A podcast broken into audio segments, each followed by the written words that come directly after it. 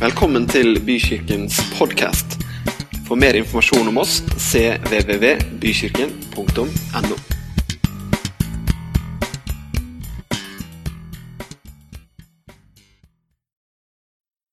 alle sammen. Eh, Jeg fikk jo dele noe her for eh, tre uker siden, fire uker siden, tror jeg, med temaet 'Velkommen uansett'. Og jeg tenkte faktisk jeg skulle fortsette litt på det i dag, for jeg syns det er et bra tema. Er det et Fint tema, ikke sant? Velkommen uansett. Det er mye å si om det. Så jeg skal ikke gjøre noe annet enn å gå rett på et bibelvers som jeg har lyst til å starte eh, prekena mi med. Og det står i Romerbrevet kapittel 14 og vers 12-14. Og der skriver Paulus. Så skal altså hver enkelt av oss avlegge sitt eget regnskap for Gud. La oss ikke lenger dømme hverandre. Døm heller slik. Ingen må få sin bror eller søster til å snuble og falle. I Herren Jesus vet jeg sikkert og visst at ingenting er urent i seg selv, men for den som mener at noe er urent, er det urent. Når Paulus skriver det her, så skriver han jo det til menigheten i Roma, som jo var eh, verdens eh, mektigste by, verdens eh, hovedstad, kan vi si, på den tida her. Det fantes ikke noe viktigere by enn Rom eh, den gangen Paulus skriver det her. Og i forbindelse med eh, at kirken utbrer seg, så blir det jo en kirke i, i Roma. Vokser seg til. Men Roma var jo ikke en provinsby eh, hvor det bodde en veldig sånn homogen folkegruppe. I Roma var det borgere fra hele Romerriket, som jo var enormt stort. Sånn at I Roma hadde du selvfølgelig masse italienere, men det var også arabere der. Det var jøder der, det var andre europeiske nasjonaliteter der. Det var veldig eh, en stor smeltedigel. Og når Paulus skriver til menigheten i Roma, så er det jo dels for å lære dem noe om det å bli rettferdiggjort i Kristus, som han skriver om de, i de første kapitlene. Men på slutten av romerbrevet så må Paulus skrive eh, et par kapitler om det å leve sammen. Ut fra at folk i den romerske kirken var jo veldig ulike. De hadde veldig ulik bakgrunn. Det var jo mye enklere der alle var jøder eh, og hadde en felles eh, kulturbakgrunn. Sånn var det ikke i menigheten i Rom. Og Derfor så skriver han noe om at hver enkelt av oss må avlegge vårt eget regnskap for Gud. Så Hvis vi leser hele sammenhengen, så er det mye om at vi er forskjellige her, dere. Noen av dere spiser ikke sånn mat og drikker ikke det, og andre av dere gjør det. Eh, men det er ikke så viktig. Det viktige er at du vet at du skal avlegge et eget regnskap for Gud. Eh, og hele utgangspunktet er selvfølgelig det evige spørsmålet som fins overalt i alle religioner, i all filosofi og egentlig alle kulturer. Hvordan skal man leve riktig? Hva er det som er rett måte å leve på i forhold til det jeg tror på? Hvordan skal vi leve et gudfryktig og hellig liv? Hvordan skal man leve som kristen? Og hvordan skal vi leve som kristen i vårt fellesskap? Det er det store spørsmålet. Og det, er, det har alltid vært levende, uansett. For det er, hvis det er noe du hengir deg til, uansett hvilken religion det er, hvilken filosofi det er, hvis det er noe du hengir deg sterkt til, så ønsker du automatisk å leve riktig i forhold til det du hengir deg til. Sånn er det jo. Og det gjør jo vi som kristne også. Og så tror jeg at det kan være noen feller da, som vi kan gå i, som, eh, hvor vi med alle gode hensikter oppnår det motsatte av det vi ønsker. Og Det er det Paulus skriver litt om eh, i romerbrevet i slutten. Og I utgangspunktet så er det jo det at man er opptatt av rent og urent. Hva er det som er riktig, hva er det som er feil? Og da kan vi si det at eh, ja, det er jo det som er problemet med tro og kristendom, at det blir så veldig mye greier liksom holde styr på. Men du kan si det at eh, hvis du tar bort Gud, da, så hjelper ikke det så mye, egentlig. For da skaffer jo folk seg andre religioner som de følger. For Jesus sier det veldig klart. Enten så følger dere Gud, eller så følger dere Mammon. Han er veldig kategorisk på det. altså. Altså Hvis du følger Gud, så følger du Gud. Men hvis du ikke følger Gud, da følger man mammon. Og Det er en sånn samlebetegnelse egentlig på det materielle. ikke sant? Det å følge rikdom osv. Som man erstatter det med. Og så er andre ting, da, andre standarder for hva som er rent og hva som er urent, og hva som er riktig måte å leve på. Det fins jo hele tida. Jeg hørte, Nå var det jo på radioen jeg hørte nå var det The Wixon Awards. Fikk dere med dere The Wixon Awards? Noen nikker her. Andre Wixon Awards. Ja, Det er eh, kåring av Norges viktigste influensere. Det er en ny bransje som har kommet. Influensere. Eh, påvirkere. Og da kåra de årets viktigste influensere. Og da Eh, siden det her var på P2, som jeg hørte det, så fikk jo de litt kritisk spørsmål. da. Men du har jo vunnet den prisen her nå. Samtidig så viser det seg at tenåringsjenter, blant tenåringsjenter så tror jeg tror de tar 72% som følger influensere, opplever et sterkt press på å kjøpe de riktige tinga. Og har litt problemer, for de har ikke råd. Hva tenker du om det? Og da har jo de selvfølgelig ja, men de legger ut masse hvor viktig det er bare være seg sjøl og eh, ikke, ikke, liksom følge andre. og eh, Det er kjempeviktig, og sånn, men ja, ikke sant? hele bransjen går egentlig ut på bli som meg, følg etter meg. Bruk den sminken jeg bruker, og så litt produktplassering her. Og så tjener vi penger, og så får vi de unge jentene til å føle seg litt dårlig hvis de ikke har den der, for alle andre har det. Og så blir jo det også en ny måte å leve riktig på. En ny måte å leve rent på. Selv om Gud er borte. Men jo sterkere vi plasserer oss sjøl i en gruppe, jo mer hengivende blir vi jo til det den gruppa sier. Og vi kaller det ofte for mote eller trend. ikke sant?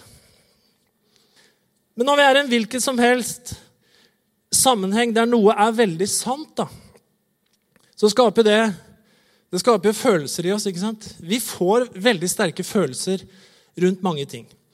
Eh, og det er klart at eh, jeg hørte også, Det var, var en stund siden, da, men det var jo det var en tid hvor det var litt sånn diskusjon ja, må, må man ha dunjakke til 9000 kroner. Og Det var et intervju på en bussholdeplass eh, inne i Bærum. husker jeg, hvor noen intervju, ja, du, du føler du må, Alle liksom har de jakkene, og det var ei som sa ja, men jeg syns det er litt viktig da, å kunne ha noe som gjør at jeg skiller meg litt ut. da, At jeg ikke liker alle andre. Problemet var jo at alle hadde jo den jakka. Så hadde jeg fått inn et budskap om at hvis du har den jakka her, så er du veldig spesiell. Og alle, så hadde jo alle den jakka. Allikevel så følte jeg spesielle. Selv om alle hadde lik jakke. Det var veldig interessant. Men da har jeg fått solgt inn budskapet, egentlig. Men det kan Det skaper veldig sterke følelser, som sagt. Det vi tror på, da. Og hvis vi opplever at andre ikke tror på det samme som oss, så blir det veldig sterke følelser. Og Det kan være utrolig vanskelig for oss å forstå hvordan noen kan føle så sterkt om noe som det de faktisk gjør. Kjempevanskelig. Jeg har jo veldig store problemer med at muslimer i Midtøsten brant ned den norske ambassaden fordi at en bitte liten avis i Norge, faktisk veldig liten, hadde trykka en karikaturtegning av Muhammed. Ikke sant? Hvis vi går en del år tilbake. De gikk jo brant ned den norske ambassaden. Og jeg må si, jeg har problemer med å skjønne at man kan føle så sterkt at man er villig til å brenne ned en ambassade pga. en tegning. Jeg klarer ikke å skjønne det, men det er faktisk noen som føler så sterkt. Eh, og Derfor er det ofte sånn at eh, hvis vi blir veldig for og imot, så blir det et veldig sterkt utenforskap og et sterkt innaforskap. Enten er du veldig med, eller så er du veldig utafor. Og hvis man da samtidig ønsker at alle skal være med, så blir det veldig vanskelig hvis man er litt på vikende front. Og Noe av det Paulus skriver, som jeg skal komme til, det er jo det her at når vi ser rundt oss, så ser vi mennesker som er ufullkomne. Vi ser mennesker med feil. Og så ønsker vi å forandre ting. Og det ligger jo i oss. Vi ønsker ofte å forandre ting, sånn at det blir sånn som vi gjerne vil ha det. Og det handler jo hele samfunnet om. Politikken handler om det. Der er det masse følelser. ikke sant? Politikere de har et veldig klart bilde av hva som er den rette måten å ha Norge på. Og så setter de alle kluter til på det, og hvis noe går imot det, så blir det veldig sterke følelser. Mens andre partier føler jo noe helt annet. ikke sant? Og så sitter vi da og så skal vi stemme. Men det er sterke følelser rundt det her. Og så ser vi ting rundt oss som er uperfekt, og så ønsker vi å rette på det. Eh, og det er egentlig en veldig god ting. da. Så når du ser rundt deg på kanskje de du har rundt deg akkurat nå, eller familien din, eller vennene dine, eller kirka di, for å ta liksom de små sammenhengene, så ser du sikkert feil. Og så tenker du at dette må, dette må jeg få retta på. Dette må, jeg, dette må, bli annerledes. Og det er, det er, noe bra med det, men det kan være noe veldig dårlig med det òg. Det spørs åssen vi gjør det. Jeg har av en eller annen grunn i livet endt opp som en som har blitt glad i å renovere ting. Det begynte ganske tidlig. Jeg tror Grunnen til at eh, man begynner å renovere ting, er øh, fordi du har dårlig råd. Uh, noen av dere kan bare kjøpe nye ting. ikke sant? Det kan ikke jeg. Jeg må, jeg må renovere ting. da. Uh, uh, men jeg begynte ganske tidlig, uh, når jeg var barn, med sykler. Begynte å renovere sykler, husker jeg. Skulle ha forskjellige sykler. Jeg husker Faren min hadde bygd ny garasje med en sånn liten sykkelbod på sida. Hvor det var plass til Nå ler han, vet du. Der var det plass til sykkel til mor og far, sønn og datter og så en gressklipper. Problemet var at når jeg var elleve år, så hadde jeg ni sykler. ikke sant? Det, ikke, det, det fylte seg opp, for å si det sånn. Men, men, det har fulgt meg siden, faktisk. Så jeg har renovert biler og båter og, og hus og mange ting. Og så er det noe med det at eh, Nå holder jeg på å renovere en båt. For jeg må gjerne ha noen eksempler jeg holder på med. Nå holder jeg på å renovere en båt, og så sier jeg når jeg treffer noen, at jeg holder på å renovere en båt. Og så er det så mange som sier åh, det er jo mye jobb. Det er det første de sier. Og så sier jeg, og det er sant, og så sier jeg ja, men jeg liker det. Ok, sier noen da. De fleste skjønner jo ikke det. Men da får du noe som ikke er perfekt, da. Og jeg ser på den båten, så tenker jeg du er fæl. Du er stygg. Du er ødelagt. Du er råtten. Du er falma. Du er ikke til å stole på. Det må jeg si at jeg sier til den båten. Og så er spørsmålet hvordan skal jeg, hvordan skal jeg få den til å bli bra, da? Jeg kan kjefte på den. Og det er det folk som gjør. Du har sett det. Du har kanskje gjort det sjøl. Bilen din har stoppa, du sparker i dekket, kaller bilen ting som ikke jeg kan nevne her engang. Men altså, kanskje du har kalt bilen din ting. Kanskje du har kalt oppvaskmaskinen din ting. Er det noen som har kalt ting for ting her? Sikkert. Folk som har gjort det. Ikke sant? Og så, bare, så kan du velge å, å, forlate det. Du kan vrake den, ikke sant? Kaste den, som vi gjør med ting. Eller som jeg gjør. Du kan investere tid, kjærlighet og kunnskap. Og så er det noe magisk som skjer. Hvis du investerer kjærlighet, og så begynner du å bygge noe inn, så opplever du noe helt fantastisk eh, litt seinere. Og det er at du står og så sier du Fy, det blei fint, ass. Den er vakker, ass. Er så pen. Er til å stole på. Ingen råte igjen. Alt er bare klart. Vet du hva? Det er så deilig. Og sånn får man eierskap, da. Det er det vi renovatører får, som du ikke får som kjøper ferdig. Bare så det er sagt. Ikke sant, Bent Ove? Han er også renovatør, skjønner du. Pastor, ekspastor, dårlig råd. Ikke sant? Dere tar tegninga. Vi renoverer. Yes. Så Sånn er det, da. Men det her er jo Sånn er det med mennesker òg, vet du. Det er ikke noe feil å ønske endring i et fellesskap. Det er, noe, det er heller ikke feil å si at her er det noe som ikke er så bra. Her er det noe som er falma. Her er det noe som er råttent. Vil ikke si det rett ut alltid, men her er, det, her er det noe som ikke er til å stole på. Spørsmålet er hvordan kan du forandre verden rundt deg? Ikke sant? Hvordan kan du forandre verden rundt deg? Hvordan kan du forandre familien din? Hvordan kan du forandre ektefellen din? For det kan du egentlig ikke. bare så Du er klar over det. Du kan forandre deg sjøl. Den eneste måten å forandre noe på ordentlig, det er å gi kjærlighet. All annen forandring med makt, med tvang, det fungerer, fungerer lite grann, og så går det i stykker. Kjærlighet. Og derfor så er Gud er kjærlighet. Ikke sant? Det er sånn Gud forandra verden. Så høyt elsket Gud verden at han ga sin sønn den eneste. Han ga seg selv fordi han er kjærlighet. Og så kunne han forandre verden. Og det er det vi må gjøre i ethvert fellesskap og en kirke. Det er å gi seg selv og gi kjærlighet til andre mennesker. Da kan vi forandre omgivelsene våre. Faktisk. Å prøve på en annen måte, så blir det motsatt resultat.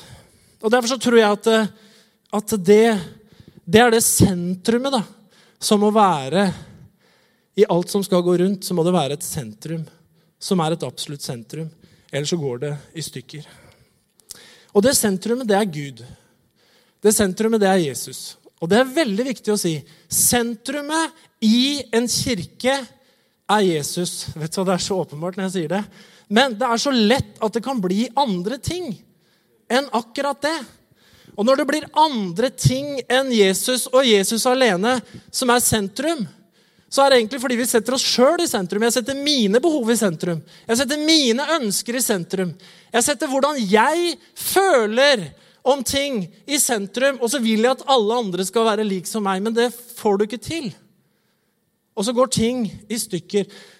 Det er jo problemet i dag. Så har vi så har vi noe som heter woke culture. ikke sant? Woke eh, betyr våken. Dere hørt om det sikkert? ikke sant? Altså Man er litt sånn politisk korrekt på steroider, da. På en måte, ikke sant? Fordi at enhver særgruppe har sine rettigheter. Skal ikke bli liksom sett ned på, trakassert eller noe sånt. ikke sant? Og så blir det at man har seg selv i sentrum. Man har sine egne behov i sentrum. Med alle gode hensikter. Men så skjer en merkelig ting. For jo hardere man står på sitt, desto mer Kanskje får man med seg, men desto mer hat får du på den andre ytterfløyen. Det blir mer og mer polarisert. Debattene blir hardere og hardere. Man krangler mer og mer. I alle gode hensikters navn. Hvorfor det? Fordi Gud blir borte. Lars Saabye Christensen, en av våre beste forfattere, skrev en bok hun kom ut i år, 'En tilfeldig nordmann'. Lars Saabye Christensen har vært gjennom sykdom, har vært døden nær nå nylig, og trodde aldri han kom til å skrive en bok igjen. Og når han holder på å dø, sånn parafrasert, så forteller han at da, så er historien da at han da kommer de eksistensielle spørsmål. Og det gjør det jo selvfølgelig for alle som vet at nå dør jeg. Jeg er snart ikke mer her. Jeg kommer ikke til å skrive flere bøker. Jeg har gjort det jeg skal. Men eh, så har han friskna til. Og Gud har blitt viktig for Lars Saabye Christensen. Og han skriver en bok, 'En tilfeldig nordmann', som vi leste hjemme. Som handler om en byråkrat i Landbruksdepartementet som heter Gordon Moe. Som har jobba i Landbruksdepartementet hele sitt voksne liv. Vært en grå byråkrat som har jobba med renskriving av foredrag for topplederne. Og ingen bryr seg om den, ingen ser den. Men en dag så skal de liksom vise at de bryr seg om å feire bursdagen hans eller jubileet hans. eller hva det er. Han har vært der i 50 år. Og da koker han over. Og han skjeller dem ut etter noter med alle mulige gale ord som du ikke skal si i offentlig sammenheng, og gir dem inn og får sparken. Og så blir eh, seinere benytta til å lage opprør på ulike møter på Kulturhuset. Det er kjempemorsom bok. Men i hvert fall så kommer det i kontakt med en som heter Frank Meek, som bruker Gordons Mo evne til å koke over. Og plasserer den i møter rundt omkring for å ødelegge. Fordi at Frank Meek han er bekymra for samfunnsutviklinga. Men han har kommet fram til en ting, for han snakker om woke-kulturen i den boka. Du kan liksom høre Saabye Christensens stemme gjennom Frank Meek. Da. Men han sier en ting i boka. Én ting er sikkert. Uten Gud så går samfunnet under. Uten Gud så går samfunnet under. Gud er sentrum. Akkurat som i universet så er sola er sentrum som alle planetene går rundt. Trodde, man trodde en stund at jorda var sentrum. Vi var sentrum. Men det var vi ikke. Det var sola som var sentrum, det var lyset som var sentrum. ikke sant? Men Gud er senteret som allting må gå rundt. Og det er jo sånn med hjul. Så lenge senteret er i senter, så går hjulet helt smooth. Det er helt rolig. Det er helt fint å kjøre bilen. ikke sant? Men når du setter dekk på bilen din, så er det noe du gjør. De setter dekket på, så setter de hjulet i en maskin hvor, hvor hjulet går veldig fort rundt. Og så ser de om det er ubalanse i hjulet. Det vet dere kanskje ikke at de gjør. Noen av dere vet det. Men da sjekker den. Er hjulet helt Er alt helt, helt sentrert i forhold til senter? Og hvis det ikke er det, så har du ubalanse. Når du får bilen din da, så sitter du og rister i rattet. Og det er veldig irriterende. ikke sant? Det vet vi alle, hvor irriterende det er. Akkurat i 90-95, da rister det. Så da må du velge å kjøre fortere eller saktere. Det er kjempeirriterende. Men hva er det vi gjør da? Jo, da må vi dra inn til dekkforhandleren så må vi avbalansere det. Det betyr at vi må sette på noe lodd for å få ting akkurat i sentrum. Og da alle gleder seg. Alle har det fint. Du kan kjøre fort i Tyskland uten at det går gærent med risting i rattet. Men sånn er det, dere.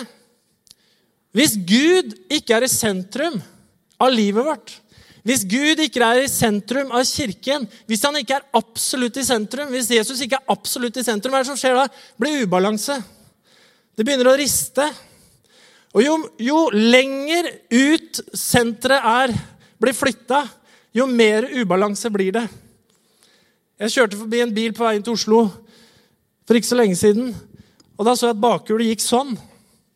Og jeg tenkte, Åssen føles det inn i bilen? Så tenkte jeg en ting til. Her er det ikke lenge før det er veldig mye som går i stykker. Fordi når ting ikke er sentrert rundt det som skal være sentrum, hva er det som skjer i risting? Så blir det mer risting. Hva er det som skjer da? Blir voldsom belastning på omgivelsene. Alle andre ting som er kobla inn der, blir mer og mer belasta. Så går én ting i stykker, så rister det enda mer. Så går enda en ting i stykker, så rister det enda mer.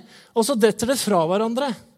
Og Det er akkurat det som skjer når Gud ikke er sentrum. Når Jesus ikke er sentrum, så begynner det å riste litt i livet våre.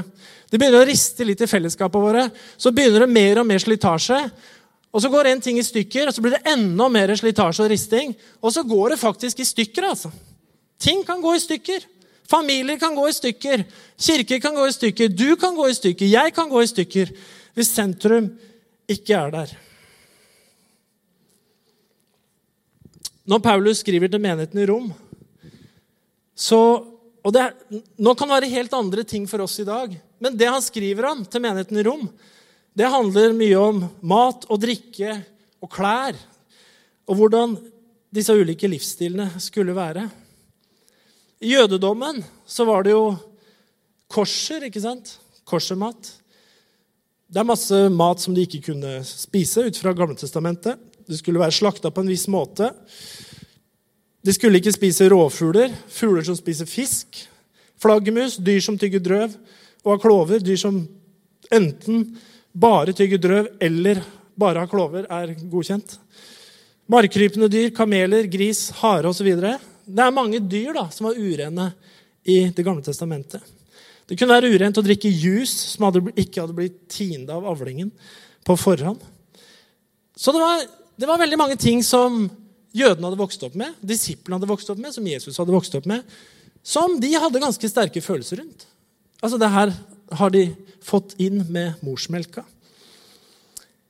Eh, I islam så har de jo noe av det samme. ikke sant? Halal, eller haram, som da ikke er godkjent. Det er Koranen som bestemmer. De har spesielle slakteritualer. Hinduismen har akkurat det samme. De spiser ut fra kastesystemet. Kuer er hellige dyr. Det er forbudt å slakte kuer. Kuer er menneskenes mor. Du slakter ikke mor, det skjønner jo alle. Men eh, hvis du skjønner at det er en ku, så gjør du ikke det. De kan spise kjøtt fra sau og kylling. Og buddhistene har sitt. Så videre. Og det her var, det her var veldig vanskelig i den første menigheten fordi folk levde litt forskjellig. Da, ikke sant? Nå kunne jo det være andre ting òg, men folk levde litt forskjellig.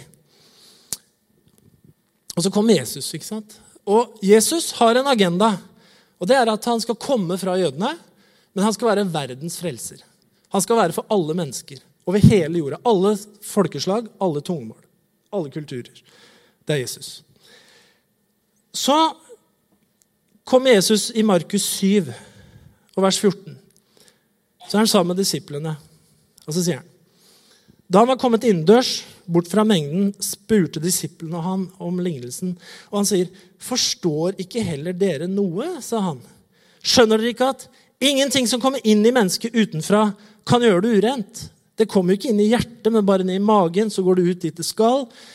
Dermed slo han fast at all mat er ren, og han la til det som går ut fra mennesket, det er det som gjør mennesket urent. For eh, innenfra, fra menneskehjertet, kommer de onde tankene. Hor, tyveri, mord, ekteskapsbrudd, grådighet, ondskap, svik, utskeielser, misunnelige øyne, spott, hovmod, vettesløshet.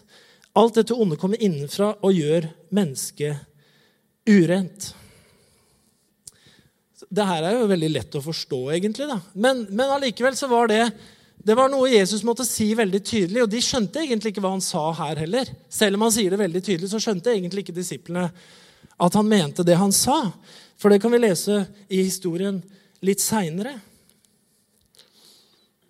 Men Jesus på en måte omdefinerer litt, eller ganske radikalt, hva som er viktig, og hva som er viktig. Han tar bort noe som hadde vært gyldig i Det gamle testamentet, som Gud hadde gitt, men som var midlertidig. Og så åpner han på en måte en helt ny verden til resten av verden. Og Peter, etter hvert, eh, etter at Jesus har reist, de har fått Den hellige ånd, så er det jo sånn at evangeliet skal jo ut da, til alle folkeslag. Og Gud ønsker å åpne en dør for det. Og Peter i apostelens gjerninger ti, så skal Peter straks på sitt første ordentlige prekenoppdrag i en hedningshus. Nå hadde Peter talt på pinsedagen, men det var liksom mer sånn offentlig. og det var masse forskjellige folk der. Men han skal snart på sitt første prekenoppdrag. Og Peter er på vei til Jaffa. I Apostelens gjerninger 10, vers 9, så står det at dagen etter, mens de var underveis og nærmet seg Jaffa, så gikk Peter opp på taket for å be. Det var den sjette time han ble sulten og ville spise. Mens de holdt på å lage maten, kom han i ekstase. Minner meg om min sønn som er veldig glad i å lage mat. Han så at himmelen hadde åpnet seg, det tror jeg han ikke har opplevd, og at noe dalte ned. Så Det så ut som en stor duk som ble firt ned mot jorden etter de fire hjørnene. I den var det alle slags firbente dyr og krypdyr som lever på jorden, og alle slags fugler under himmelen. Og en stemme sa til ham, Stå opp, Peter, slakt og spis. Dette hendte tre ganger, så ble duken tatt opp igjen. Og Denne historien her er egentlig en oppfølging av det Jesus sa at eh, fra nå av så er all mat altså det er rent. Du kan spise hva du vil. Men når det her skjer, det er ganske heftig åpenbaring, forresten, så får jo Peter seg faktisk til å protestere. Det er jo ganske godt gjort. Men altså, det sier jo noe om hvor sterke følelser Peter hadde rundt det her. Altså, Jeg kan ikke spise det her. Og da han, han er i ekstase. Det kommer duk fra himmelen ikke sant? Og med alle dyr, og Gud taler og alt mulig. Og Peter, hallo. Jeg sier nei takk. Men så er det jo sånn at samtidig så har Gud talt til en som heter Kornelius, som sender folk til dette huset og sier at eh, er du Peter, er du han apostelen? Vi vil gjerne du skal bli med til Kornelius' hus, som nok var en italiener som ikke levde jødisk. Og Peter blir med. Og Peter forkynner Guds ord. Og folk blir døpt i Den hellige ånd. Og han skjønner ikke helt hva han er med på. Og når han kommer tilbake igjen til menigheten, så får han nærmest kritikk fordi at de folka, disse italienerne, disse pastaslurperne ikke sant? og vindrikkerne, og som spiser svinekjøtt sikkert, og alt mulig ikke sant? Det må være, det er, hvordan kan de ha blitt døpt i Den hellige ånd? Og Peter må unnskylde seg og si ja, men jeg, jeg ba ikke for dem engang. Altså, jeg, jeg gjorde. Jeg hadde egentlig ikke noe med det. For jeg bare sto og talte, og så bare skjedde det. liksom. Og det var egentlig nesten litt mot min vilje at jeg ble døpt i Den hellige ånd. Men jeg kunne, jeg kunne, ikke noe for det, liksom. Han, det er jo nærmest sånn, da, for å parafrasere historien litt. Så, og da må de liksom bare Jaså, ja. Så da har faktisk Den hellige ånd kommet til hedningene. som Jesus kanskje snakka om noen ganger. Men altså, det gikk jo litt tregt å få det inn at de folka der, som var så annerledes enn oss, også kunne komme og motta akkurat det samme. Og hva kan vi lære av det? Paulus sier Hvorfor tar han det opp i Romerne 14 videre? For jeg vet, i Herren Jesus Kristus, sikkert og visst at ingenting er urent i seg selv, men for dem som mener at noe er urent, så er det urent. Så hvis du sårer din bror med måten å leve på, så, så skal du ikke gjøre det. Men samtidig så må du akseptere at ikke alle er som deg. Alle er ikke som deg. Og Gud, han kommer til alle mennesker.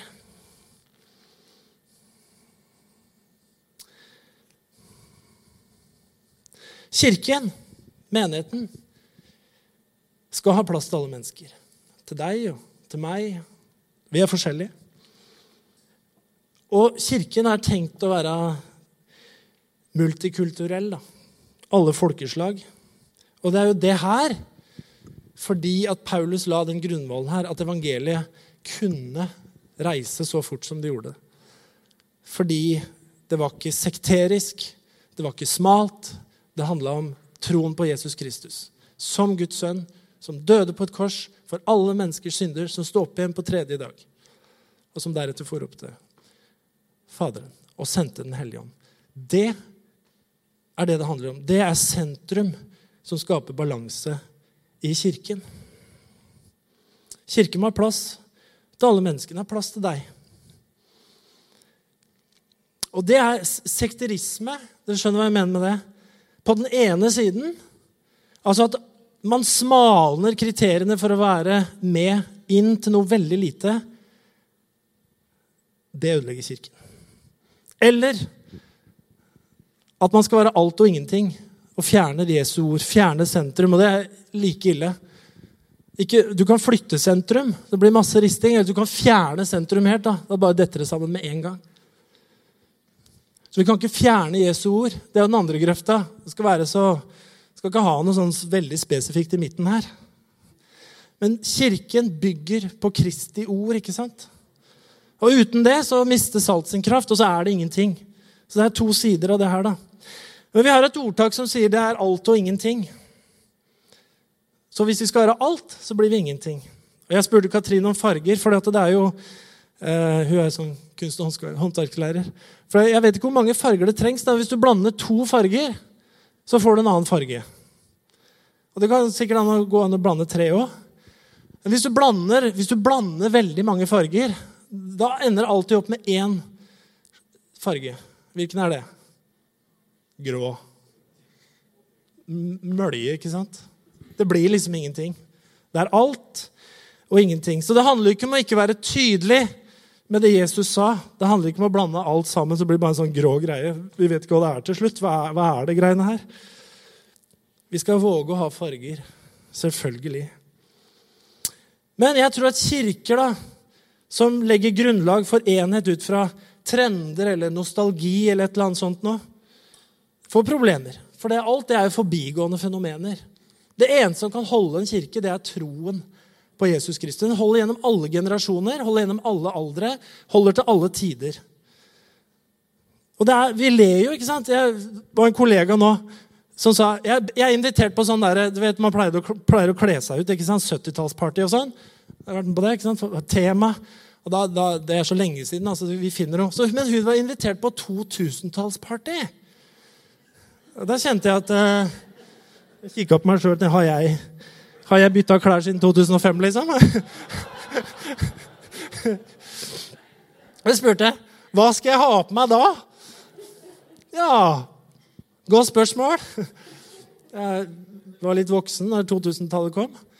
Men eh, kanskje du skal kjøpe, ta på deg sånne Buffalo-sko, da, sa jeg. Nei, det var jo 90-tallet. Ja, sorry, sa jeg. Men poeng, Vi ler jo av Og så viste han meg bilde av 2000. Da, for da var det sånn Det var greie, for da var det åpent her på damene, tror jeg. Det var den gangen jentene gikk i 20 kuldegrader i byen med bar navl. Husker du det? For det var mote. Men det er klart, når man ser seg tilbake, da på gamle motebilder av seg sjøl, så ler vi jo veldig ofte. Herlighet, jeg så ut, altså.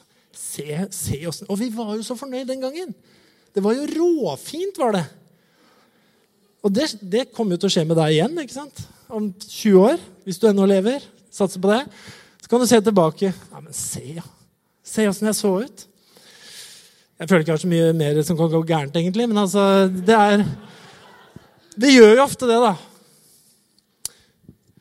Og sånn kan det jo være med kirker og fellesskap òg. Kan bli så opptatt av å være akkurat den trendy eller et eller annet sånt. ikke sant? Altså holder det ikke, for Trender forsvinner jo. Det går jo bort. Det går over. ikke sant? Og plutselig så er det helt ut. da. Det er det som er så skummelt å være veldig inn. Det er at plutselig er du veldig ut. Så det er bedre å være litt sånn grå, sånn som meg. Klassisk, Kjører klassisk stil. Jeg er tidløst. Går, i, går til alle tider. Det er veldig smart, egentlig.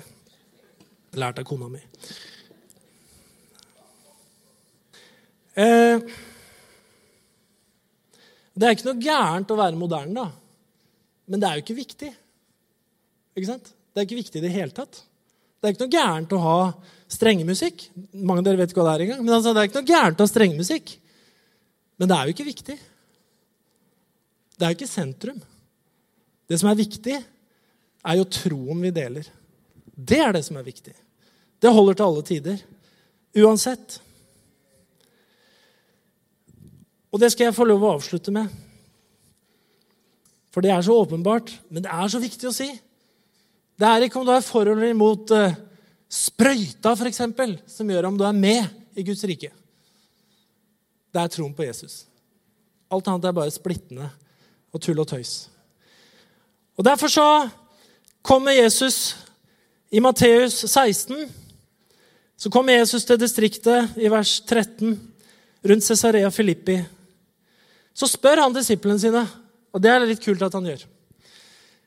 Eh, hvem sier folk at menneskesønnen er? Hvem sier folk at jeg er, egentlig? Og de svarte ja, noen sier døperen Johannes, andre Elia og andre igjen Jeremia eller en av profetene. Altså med andre ord, Folk hadde forskjellig oppfatning om hvem Jesus var. Sånn kan det jo være også i dag. Hvem er Jesus for deg? Hvem er Jesus egentlig? Hvilken Jesus? Hvordan ser du på Jesus? Så det var forskjellig. Men så spør han. Men dere, da? spurte han. Hvem sier dere at jeg er? Da svarte Simon Peter. Du er Messias, den levende Guds sønn. Jesus tok til orde og sa, Salig er du, Simon, sønn av Jonah, for dette har ikke kjøtt og blod åpenbart for deg, men min far i himmelen. Og jeg sier deg, du er Peter, og på denne klippen vil jeg bygge min kirke, og dødsrikets porter skal ikke få makt over den. Amen. Og det er det Jesus på en måte slår så klinkende klart fast. At det Peter sier her, at Jesus er den levende Guds sønn. Det er det han er. Han er verdens frelser. Han er han vi tror på. ikke sant? Det er fundamentet som du og jeg kan bygge livet på. Det er fundamentet som en kirke kan bygge livet sitt på. Det er fundamentet et samfunn kan bygge sin eksistens på. For uten Gud så vil ting sakte, men sikkert forvitre. Og Derfor så er det plass til litt forskjellige folk. Det er plass til alle kulturer, det er plass til ulike folkeslag, det er plass til ulike typer. Og vi trenger hvis vi ønsker å forandre noe som vi er helt overbevist om er til det bedre, så trenger vi å være med på det renoveringsprosjektet. da. At vi faktisk forandrer ved å vise kjærlighet. Ved å legge ned arbeid. Ved å si at Og det er fint. og Det må jeg si helt til slutt. Det er prosessen som er fin. Ikke bare sluttresultatet.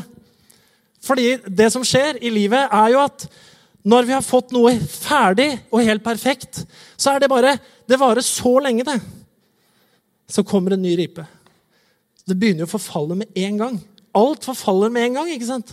Så Du kommer aldri til å komme til en tilstand i livet som noen tror da, om en stund. Bare vi får gjort det, bare jeg får gjort det, da blir det bra. Da blir ekteskapet mitt bra. Da blir familien bra. Da blir kirken bra. Da blir det fint. Det kommer aldri til å bli fint før du skjønner at det er fint nå.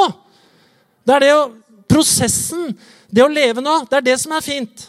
Hvis du ikke kan gjøre det nå, så kommer du aldri til å gjøre det. Det er bare en illusjon du har. Ikke sant? Kommer til å være misfornøyd hele tida. For det, det fins ikke. Ikke før du er på andre sida. Alt her er forgjengelig. Det, vi går i stykker hele tida. Ting går i stykker hele tida. Og så må vi vise kjærlighet og holde det opp igjen. Og da er det sentrum som er viktig, for der er det kjærlighet nok til å leve på den måten. Amen. Så vi takker deg, Herre, for at du kom til alle mennesker. Takk, Jesus, at du kom til alle folkeslag, alle språk, alle tungemål. Herre, vi takker deg for at du skapte oss som vi er, ulike, som lemmer på din kropp. Herre Jesus, vi takker deg for at du ga plass til alle mennesker. Du ga plass til den samaritanske kvinnen ved en brønn, Herre, som egentlig ikke var inkludert, men du inkluderte henne, Herre. Takk for at du ga plass til damen som var grepet i hor, Herre, som egentlig ikke var inkludert, men du inkluderte henne, Herre. Og takk, Herre, at du viste kjærlighet nok, Herre, til at vi alle kunne komme bekjenne og få lov å være med i din familie. Så hjelper du oss, Herre, så vi kan være på samme måte og leve inkluderende, Herre. Amen. I Jesu navn. Amen.